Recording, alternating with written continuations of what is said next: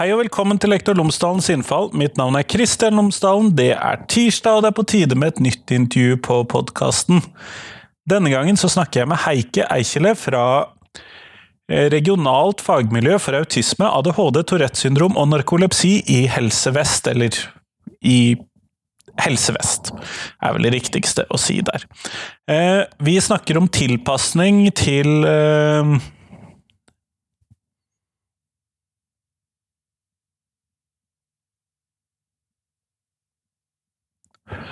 for uh, elever med Tourettes syndrom, og vi snakker om hvordan skolen kan legge til rette sånn at det blir best mulig for disse elevene. Det tror jeg kan være veldig interessant. Vi har jo tidligere hatt en ganske grundig episode med Gitske Kvillaug om Tourettes syndrom, så hør kanskje de to i sammenheng. Eh, det kan jeg anbefale. Ellers, eh, podkasten er som alltid sponset av Cappelen Dam Utdanning, og hvis du går inn på skolen.cdu.no, så finner du alle de oppleggende ressursene oppgavene, alt mulig rart, som Cappelen Dam Utdanning har laget i forbindelse med fagfornyelsen i grunnskolen. Alle fag, alle årstrinn, alle temaer. I det hele tatt, det finner du der inne på skolen.cdu.no. Test det ut, det er mulig du allerede har tilgang, og det er mulig du må prøve, ta en sånn prøveperiode. Så test det ut, skolen.cdu.no. Men nå, her får du Heike, vær så god.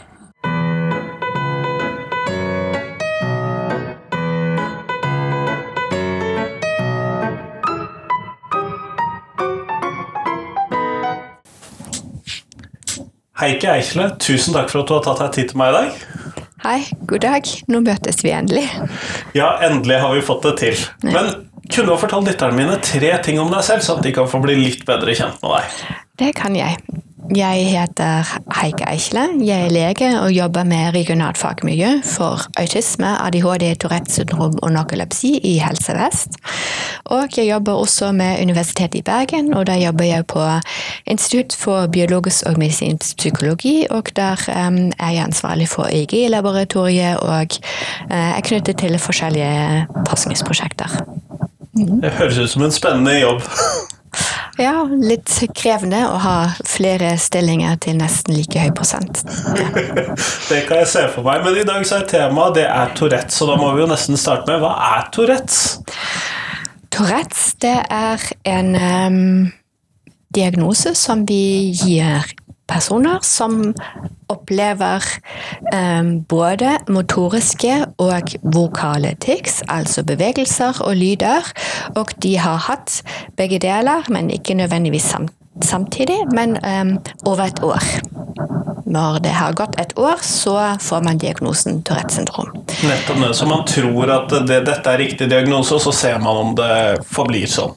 Ja, det finnes også definisjoner på hvis det er under et år. Hvis det er under et år man har hatt både motoriske og vokale tics, så kaller man det for forbigående tics. Fordi, eller uh, ja, fordi man ikke vet om det varer over tid. Det er en diagnose som er veldig hyppig i barnealder, sånn i rundt femårsalderen. Det er nesten 20-25% av alle gutter som opplever i barnehagealder den ene eller andre form for tics.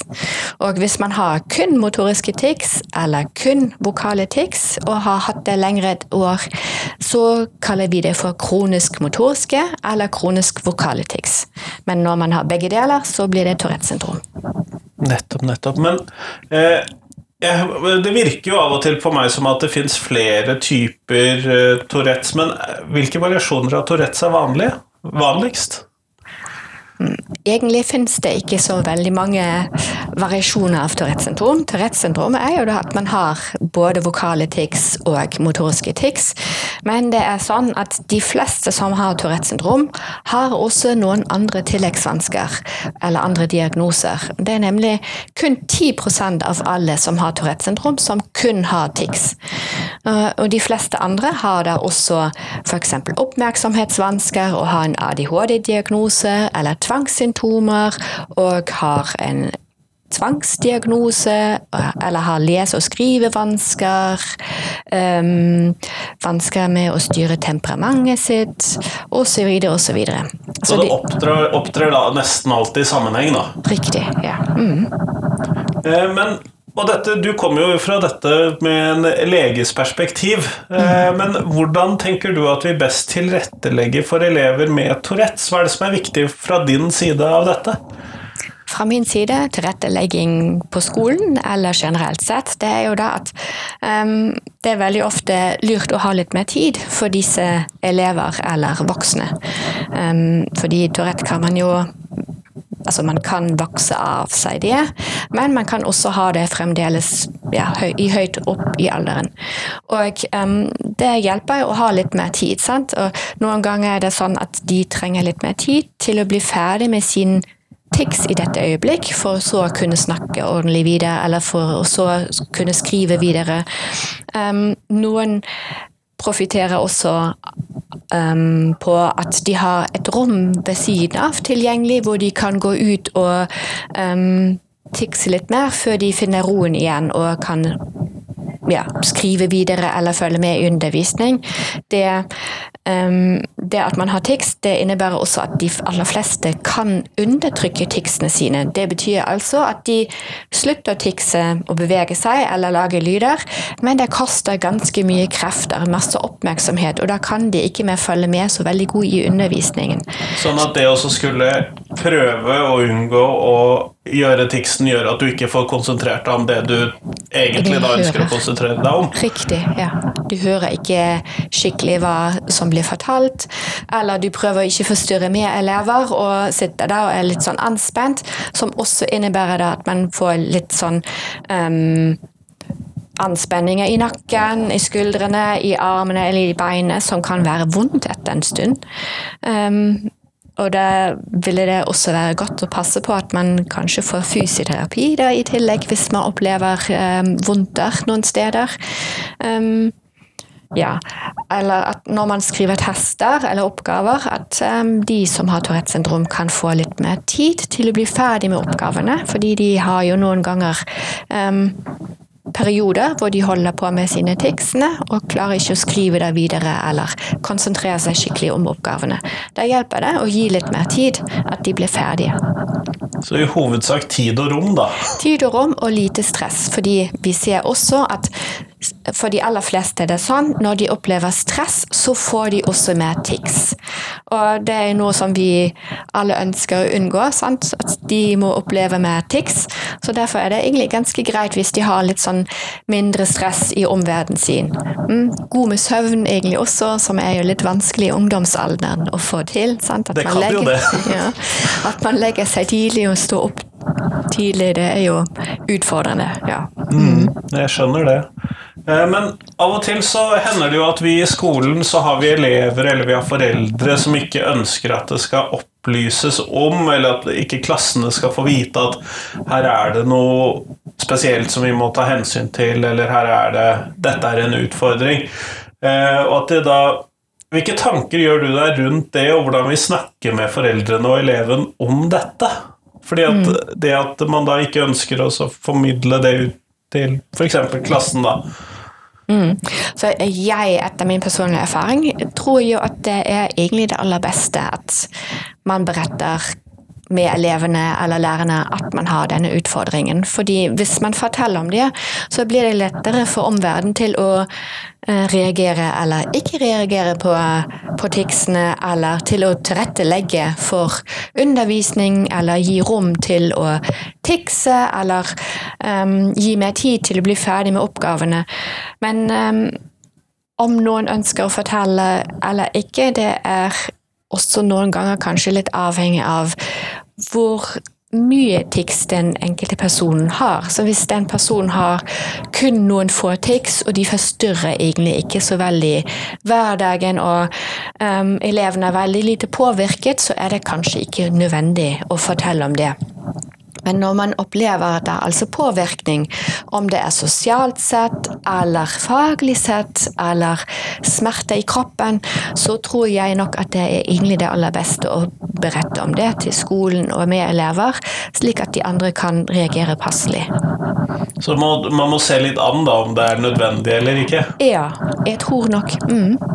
Men eh, hvordan tenker du at eh, det er best å snakke for? Fordi man må jo komme med en forklaring eller si noe om hva dette kan være, hvordan tenker du at det er best å snakke om Tourettes da til klassen eller skolen? Ja. Mm. Jeg tror det er vanskelig å fortelle eller å si sånn og sånn skal det gjøres. Fordi det, det er jo um, ganske forskjellig hva slags symptomer den enkelte eleven har. Sant? Den ene har mer motoriske tics, den andre har mer lyder. og um, den andre altså for, de, for, de, aller fleste er det egentlig ikke det store problem at de har tics, men det som kanskje følger med. At de har vanskelig å styre temperamentet sitt, eller noe sånt. Og det skal, kan skape problemer. Og, men hvis jeg skal nå komme med et sånn A4-skjema hva man skulle berette, så vil jeg nok tenke på at det ville ha vært greit å fortelle ja, jeg har tics, det er bevegelser eller lyder som jeg gjør og som jeg ikke kan noe for. Jeg kan kontrollere det ganske lite, så jeg kan undertrykke det i et lite øyeblikk, men ikke så veldig lenge, så kommer det bare ut av meg. Og um, ja, det kan ikke helt styres.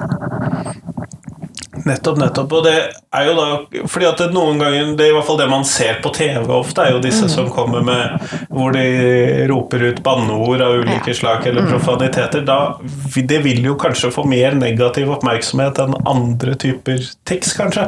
Helt riktig. Men bare for å si det, blant de som har Tourettes syndrom, er det sånn rundt 10-15% som har, har det sånn at de må skrike banneord eller gjøre oppsøkende bevegelser. De aller fleste som har Tourettes syndrom, opplever ikke slik. Så um, hvis man har da altså det sånn at man må bevege seg på denne måten, eller um, må si noen ting, så tror jeg at det er veldig lurt å fortelle til andre at man har det, slik at de ikke blir fornærmet de andre. Ja, det kan jo kanskje gjøre det ekstra nødvendig. Mm. det har du jo rett i. Men eh, hvordan hvordan, for Jeg har forstått det slik at det er en høyere grad av skolevegring eller skolefrafall, eller at man har ufrivillig skolefravær for denne gruppen. og Hvordan tenker du at vi best kan sørge for at de fortsetter å være en del av skolemiljøet og skolehverdagen? Mm. Jeg tror det er fremdeles min, min, personlige mening og oppfatning. Jeg kan ikke bygge det på tall, men jeg tror i mange tilfeller er det sånn at det er kanskje ikke riktig tilrettelegging på skolen. Og at det gjør at de ikke trives på skolen, at, ut, at de utvikler angst over tid. Og um, dermed ikke ønsker å gå på skolen lenger. Um, kanskje sosiale problemer med andre elever som ikke helt, ikke helt, vet hvordan de skal reagere på, på, denne eleven, som gjør at de mistrives. Og jeg tror også at det beste er her å forebygge. Og, og um, jobbe tidlig med tilrettelegging, og tidlig med kanskje med åpenhet rundt dette her. Og um, hjelpe sånn eleven, og, men også med elevene, til å betrakte Tourette som en del av hverdagen og noe som er um, ganske normalt. Fordi de er jo ikke De med Tourettes syndrom de er ikke syke. De har en liten feil, feilkobling i hjernen, som gjør at de lager sånne lyder eller sier sånne ord, men resten av hjernen fungerer helt vanlig. Og um, jeg syns de fortjener å bli behandlet som helt vanlige folk. Du nevnte jo i sted at det var ca. 20% av 20-25 av alle gutter i sånn femårsalderen som hadde noen former for tics. Men vet vi noe om hvor, mange, hvor stor andel av befolkningen som kan sies å ha Tourettes? Eh, vet vi noe om det? Mm.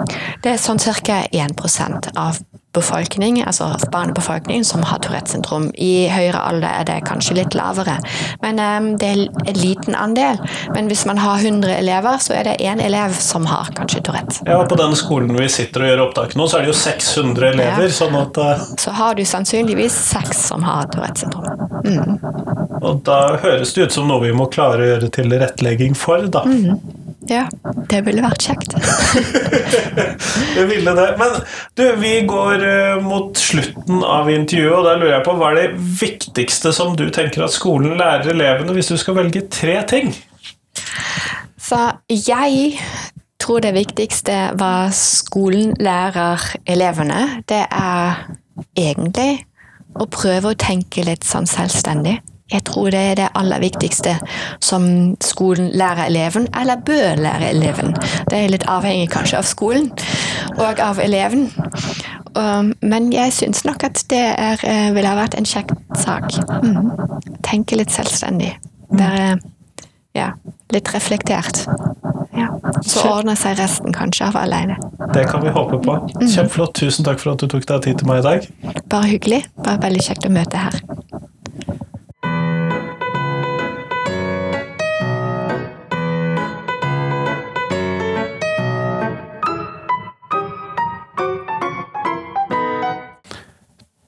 Tusen takk til Heike, og tusen takk til du som hørte på. Eh, send meg tips til hva jeg skal dekke. Er det noen eh, situasjoner i skolen, noen temaer i skolen, noen elever i skolen, et eller annet som du vil jeg skal sette søkelyset på? For jeg syns det er utrolig gøy å få muligheten til å gjøre det, og jeg lærer utrolig mye som en del av podkastperioden.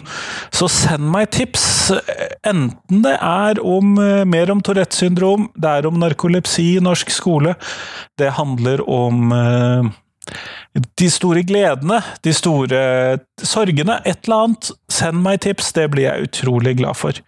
Men nå skal du få lov til å hvile fra podkasten en hel uke, hvis ikke du går inn og finner deg en gammel episode, selvfølgelig. Ha en fin uke. Hei, hei.